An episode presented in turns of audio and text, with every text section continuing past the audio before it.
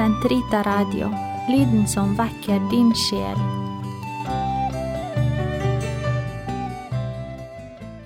Den eh, kristne i det kirkelige fellesskap. Hvis kirken kun var et menneskelig fellesskap, en kirkelig organisasjon grunnlagt av idealistiske personer, ville jeg melde meg ut på flyende flekken. Hvorfor i all verden skulle jeg velge denne organisasjonen fremfor en annen? Hvorfor lytte til kirkens læreembete hvis det kun var av rent menneskelig opprinnelse? Hvorfor være villig til å gi sitt liv for kirkens sannheter hvis det kun var teologers menneskelige fortolkning av Den hellige skrift? Hvorfor hylle et kirkesamfunn med så mange historiske synder på samvittigheten hvis den menneskelige side var hele dens vesen? Jo, kirken har en menneskelig side, og den har til tider fått utfolde seg sterkere enn noen kunne ønske. Og mang en kirkehistoriker har bare sett og beskrevet denne siden ved kirkens natur.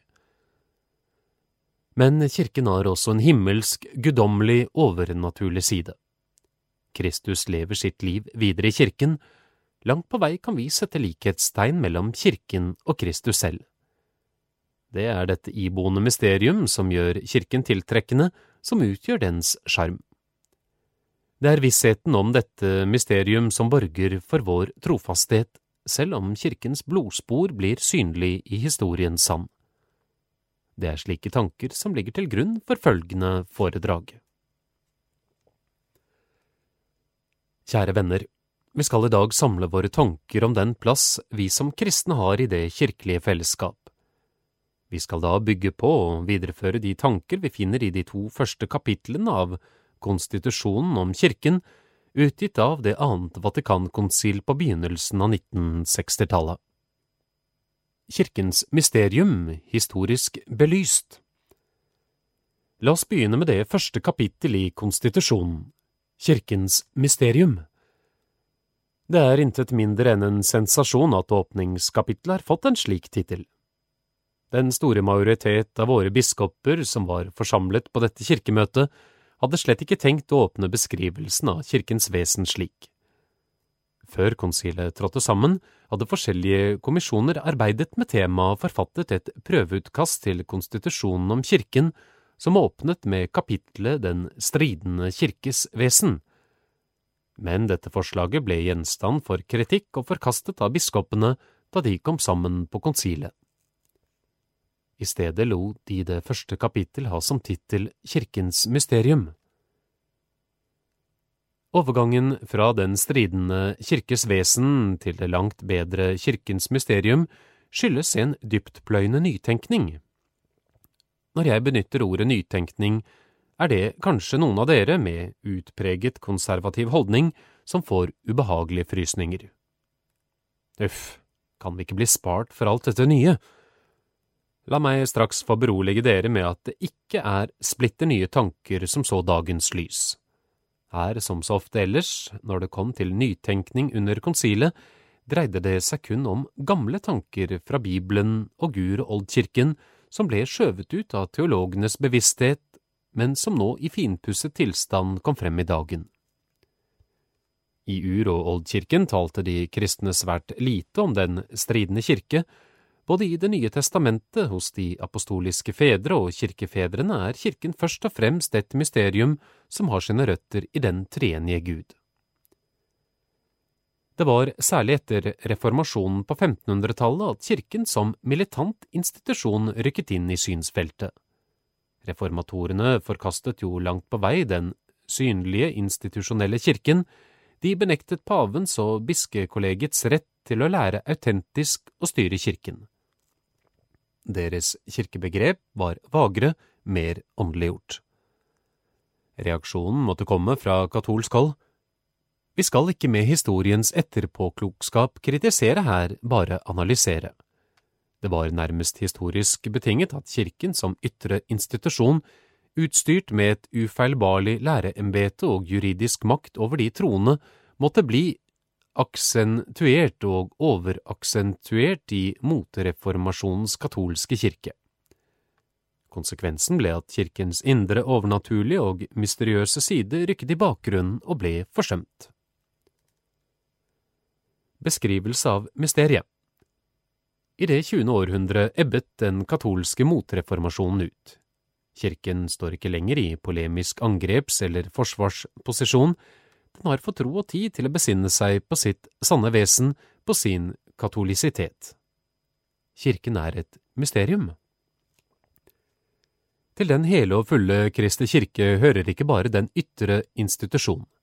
Klippen som den er bygget på, det pyramideformede hierarki med rett til å lære autentisk og styre de troende, dette er bare en del av kirkens vesen. Den har også en indre, usynlig side, en overnaturlig, guddommelig og himmelsk side som vi ikke kan registrere med våre sanser, bare gripe i troen. Nå venter dere vel av meg at jeg skal forklare og utdype dette mysterium for dere i detalj, men det makter verken jeg eller noe annet menneske. For et mysterium i teologisk forstand er noe som går over all menneskelig fornuft, og som vi med våre små hjerner ikke makter å fatte helt, verken i dette eller det hinsidige liv. Hvem av oss vil påstå at vi fatter treenighetens mysterium? Vi kan beskrive hva det dreier seg om, men vi kan aldri trenge til bunns i hvordan treenigheten er mulig. Det samme kan vi si om Kirken som et mysterium. Kirkens mysteriøse side er vi ikke, selv med troens blikk, i stand til å avsløre. Et ugjennomtrengelig slør dekker mysteriets dyp for våre nærsynte øyne, men av og til løftes en liten flik av sløret til side, og det er nok til å kunne ane en verden av uendelig skjønnhet. Når konsilfedrene skildrer dette mysterium i konstitusjonens første kapittel, har man virkelig følelsen av at de bretter en slik flik av mysteriet til side. Lenger kan vel ikke den teologiske forskning komme, skjønt hvem vet hva senere studium vil føre til av enda dypere forståelse. Kirkens mysterium skyldes i siste instans at hele treenigheten er med på å stifte, lede og helliggjøre den. Vi leser i konstitusjonen i denne universelle kirke samles alle rettferdige hos Faderen. Den hellige ånd bor i kirken som i et tempel. Kristus selv fortsetter sitt jordiske liv i sin kirke, der har vi de tre guddommelige personer. Enheten, særlig mellom Kristus og kirken, blir så i kapitlets videre forløp skildret i bilder, som er og forblir ufullkomne nettopp fordi de bare er bilder og aldri kan forklare helt og fullt ut mysteriet. Men de inneholder allikevel et vell av skjønnhet og gir oss i troen anelser som går utover det rent intellektuelle. Bilder på kirkens mysterium kirken, Kristi mystiske legeme. Vi får høre at kirken er Kristi mystiske, hemmelighetsfulle legeme. Selv er han hodet på dette legemet, vi er lemmene. Fra hodet strømmer Kristi herlighets rikdommer ut til lemmene. Vi blir tatt inn i hans mysterier, vi blir omdannet etter hans bilde. Vi dør på en hemmelighetsfull måte sammen med ham mens vi ennå lever, og vi oppstår til et nytt liv sammen med ham mens vi ennå lever på jorden. Ved denne inderlige enighet med legemets hode blir også lemmene innbyrdes ett med hverandre. Alle som går inn i kirken, lever et overnaturlig samfunnsliv i Kristus, et samfunnsliv som er langt inderligere, virksommere og sannere enn enheten mellom borgerne i et verdslig samfunn. Kirken er fåreflokken, Konstitusjonen nevner også flere andre bilder som skal skildre kirkens mysterium. Kirken er fårflokken som ledes av vår gode hyrde Jesus Kristus, han setter livet til for fårene. Kirken er vingården, kirken ble plantet av den himmelske gartner som en utvalgt vingård. Kirken er vintreet, Kristus er vintreet og vi er grenene. Han gir liv og fruktbarhet til alle grenene, det vil si til alle oss som i kirken forblir i ham. Uten ham, Kristus, kan vi intet gjøre. Kirken er lammets brud. Kirken er det uplettede lammets brud, som Kristus elsker og gir sitt liv for. Kristus renser denne sin elskede brud i dåpens vann og nærer henne med den eukaristiske føde nattverden. Kirken er en bygning av levende stener. Kirken er Guds bygning, Guds hus, Guds tabernakel, et hellig tempel, det nye Jerusalem. Kan vi tenke oss vakrere bilder, hentet som de er fra gjeterens og bondens hverdag, fra byggmesterens verden, eller også fra familielivet og bryllupshøytiden? Messens mysterium og dets betydning for sprettboende katolikker. Og nå spørs det om konsilets dype innsikt i kirken som et mysterium har en spesiell appell til våre få spredtboende katolikker i Norge. Jeg tror denne tanken kan gjøre oss mer kirkebevisste. Vi lever jo på mange måter fjernt fra det kirkelige sentrum. Vi merker så lite til kirken som institusjon, vi har bare vage ideer om Europas katolske kirkeliv. Mange av oss blir av omgivelsene betraktet som den katolske sekten i gate ditt eller datt. Vi føler oss lett som sektmennesker, som dissentere, som noen raringer som går mot strømmen. Alltid blir vi iakttatt, alltid får vi de samme, noen ganger litt dumme eller naive spørsmål. Av og til lengter vi etter å leve i et såkalt katolsk land, hvor vi om søndagene slipper å gå mot strømmen, men kan gå med strømmen inn i kirker med praktfulle liturgiske gudstjenester. Denne helt naturlige lengsel etter mer kirkeliv gjør at vi lett faller for den fristelse å lokalisere kirken geografisk. Vi tenker kanskje der nede i Mellom- og Syd-Europa er kirken levende og ordentlig til stede, der får en katolikk øse av kirkens rikdommer. Her i Norge er kirken bare delvis til stede, derfor lever vi katolikker i Norge bare delvis et katolsk liv. Vi blir sultefòret av en kirke som ikke er sterk og tallrik nok til å ta seg av oss. Vi føler oss lett ensom og forlatt som katolikk i Norden, vi står liksom utenfor fellesskapet i hele dets fylde. Tenker vi slik, tenker vi galt. Hvis kirken bare hadde en ytre konstitusjonell side, da, ja da kunne vi sannelig ha all grunn til å føle oss som forlatte minikatolikker og lengte sydover.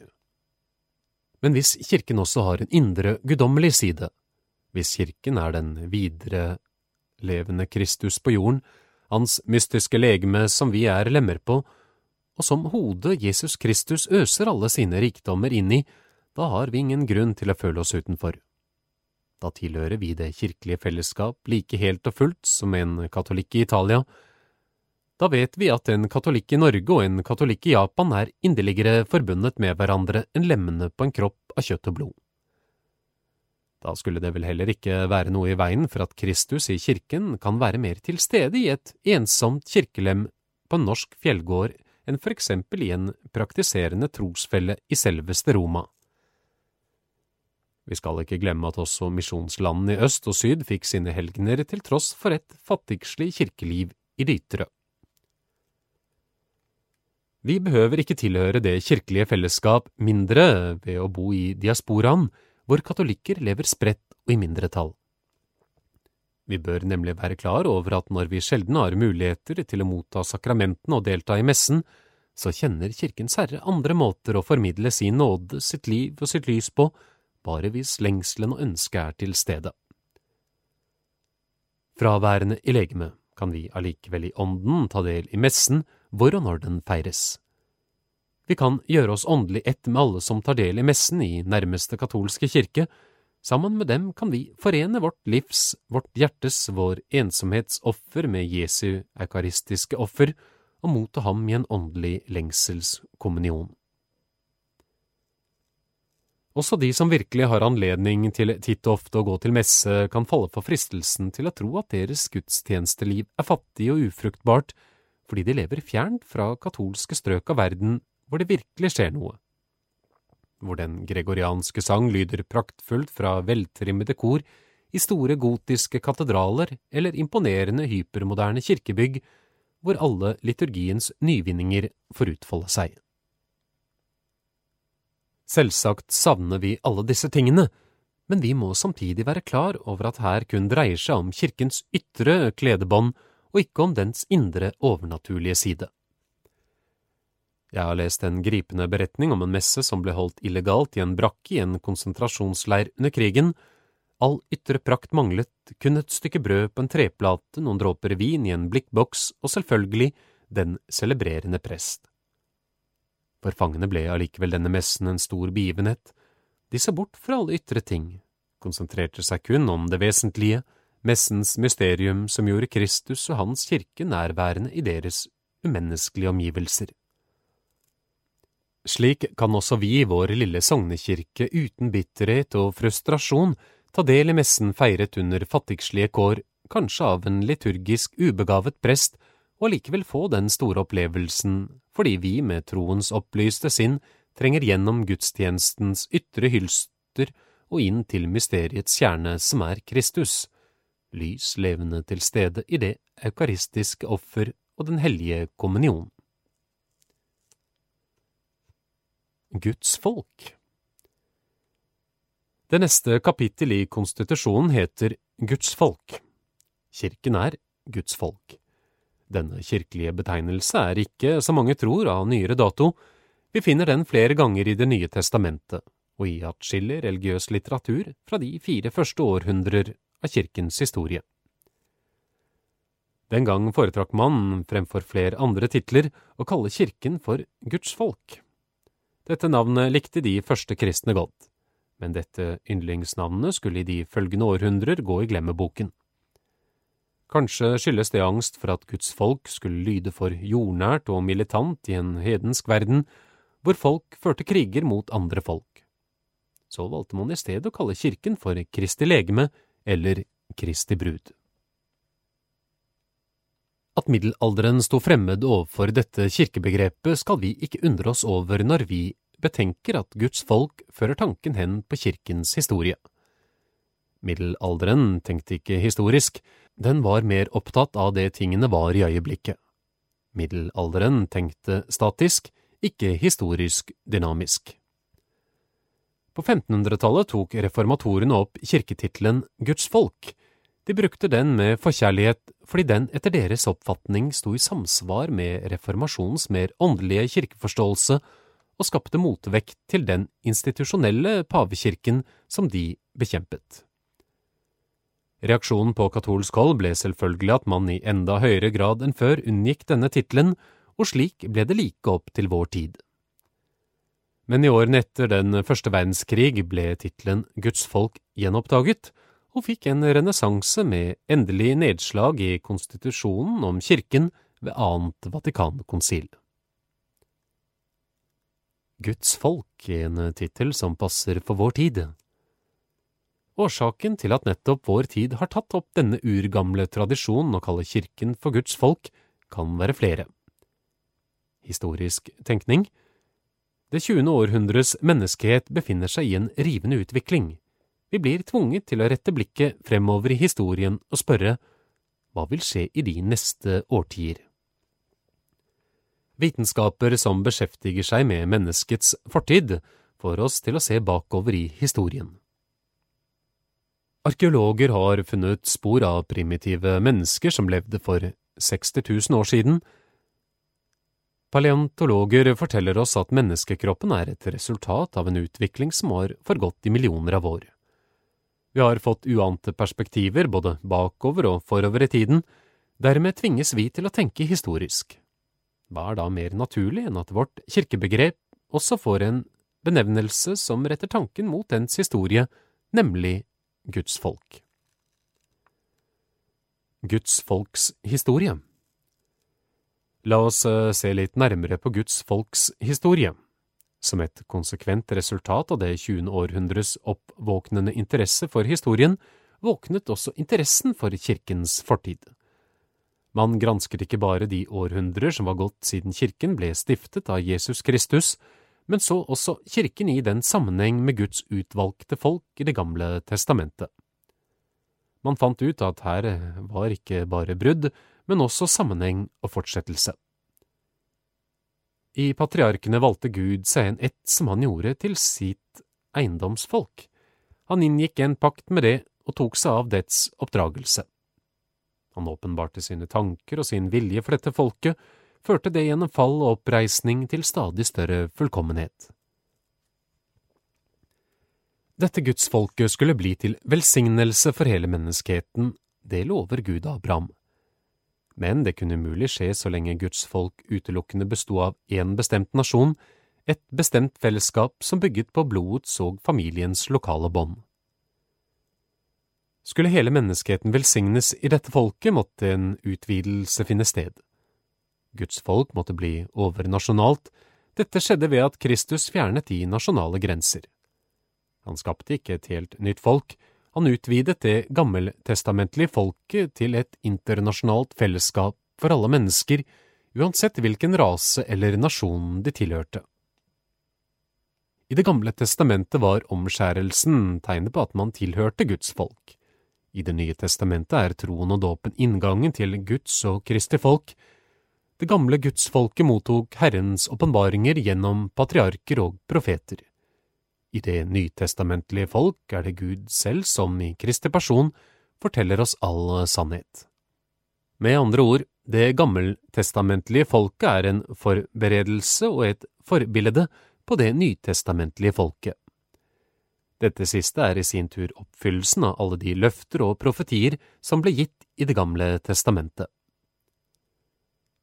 Paralleller mellom de to folks historie det eksisterer tydelige paralleller mellom de to folks historier. Den viktigste begivenhet i Det gamle testamentet var Guds folks vandring gjennom ørkenen mot det forjettede land som fløt av melk og honning. Ørkenvandring med lidelser, lengsler og savn ble noe permanent i Israels historie, under eksil i fangenskap og ved tilbakevenden til Jerusalem vandret de stadig gjennom lidelsen og lengselens ørken. På lignende måte er også det nytestamentlige gudsfolket på vandring gjennom historiens ørken, på leting etter det forjettede land og det hellige Jerusalem som ligger hinsides denne verden. Kan vi dra nytte av begrepet gudsfolk? Har så denne gamle, glemte og nyoppdagede ideen om Guds folk appell til oss i Norden? Jeg tror for det første den kan ta fra oss frykten for alt det nye som beveger seg i kirken i våre dager. Norske katolikker er stort sett konservative når det gjelder kirkeliv, mange av oss ser med mistankens skjerpede blikk på reformer i liturgi og kirkelig praksis. Vi blir straks alarmert og steiler i protest når vi hører om nytenkning i teologien, det kan ha sine gode sider. Vi trenger bremseklosser som kan stanse en altfor hurtig og revolusjonær utvikling. Kirken Semper Reformanda På den annen side bør vi være klar over at kirken er Semper Reformanda. Den må alltid reformeres i betydningen fornyes. Slik må det forholde seg når man betenker at kirken er et overnaturlig folk med en historisk fortid og en historisk fremtid. Ja, er det ikke slik med alle jordens folk at de må våge ytre forandringer etter hvert som tidsånden, kulturen og teknikken veksler? Slik forholder det seg også med kirken, Guds folk på jord. Også den er underkastet tidens og forandringens lov, med én stor unntagelse. Den kristne åpenbaring som Kirkens Herre har testamentert dette folket, må ingen røre ved. Her kan intet trekkes fra og intet legges til dogmer som ikke er noe annet enn åpenbarte sannheter som Kirkens læreembete har definert i klare, stringente setninger, må forbli uantastet. Disse definerte dogmer kan aldri forandres eller fjernes. Så sant Den hellige ånd er gudsfolkets sjel, kan heller ikke dette skje. Her kan vi ta det med knusende ro. Kirken vil for eksempel aldri kunne lære noe annet enn at Den hellige treenighet er én Gud i tre personer. Den vil aldri kunne avvike fra den lære at Kristus er Gud og menneske osv. Men når det gjelder kirkens ytre menneskelige side, ikke bare kan, men må visse forandringer skje fra tid til annen. Det er historisk betinget. Når det for eksempel gjelder messens liturgi, kirkeretten, den måten vi legger evangeliet frem på, kristen praksis osv., må disse ting tilpasses den tid kirken lever i. Dette krever selvsagt omtanke og forsiktighet, men ikke frykt. Den hellige ånd vil sørge for at kun kirkens menneskelige drakt skifter, kirkens indre vesen vil alltid forbli uforandret. Ultrakonservative katolikker Ultrakonserve katolikker som tviholder på alt det gamle i kirkens liv bare fordi det er gammelt og nekter å rette seg etter nye bestemmelser fra Roma, ja, som kanskje endog faller fra av den grunn, minner om en ektemann som slutter å elske sin kone når hun etter 20 års ekteskap skifter kjole for første gang. Vi forstår denne mannens følelser, vi begriper hvor sårt det er for ham at kona kaster den gamle kjolen på fillhaugen, den hun hadde på seg i lengst svunne tider da han først ble forelsket i henne. Vi gjør allikevel konas sak til vår, vi forstår at hun må tilpasse seg tidens praktiske krav, at det av og til er både sunt og riktig å kaste en møkket utslitt kjole som han har båret i 20 år. Vi forstår også hvor sårt det kan være for en katolikk tidvis å måtte savne for eksempel den gregorianske sang, messens latin, den gamle botspraksis osv., ting hun eller han forelsket seg i da hun eller han konverterte. Men vår pietetsfølelse må av og til vike for et viktigere krav, at kirken ikler seg en drakt som gjør at den lettere får kontakt med den verden den lever i. Guds folk fremmer fellesskapsånd. Noe annet vi kan lære av benevnelsen Guds folk er kirkelig fellesskapsånd, og det er viktig, ikke minst for katolikker i Norge. Vi har tidligere vært inne på at norske katolikker ofte lever i en gettotilværelse, uten noen direkte håndgripelig erfaring av det kirkelige fellesskap. Her kan vi tilføye noe som gir oss en enda sterkere følelse av å stå utenfor fellesskapet.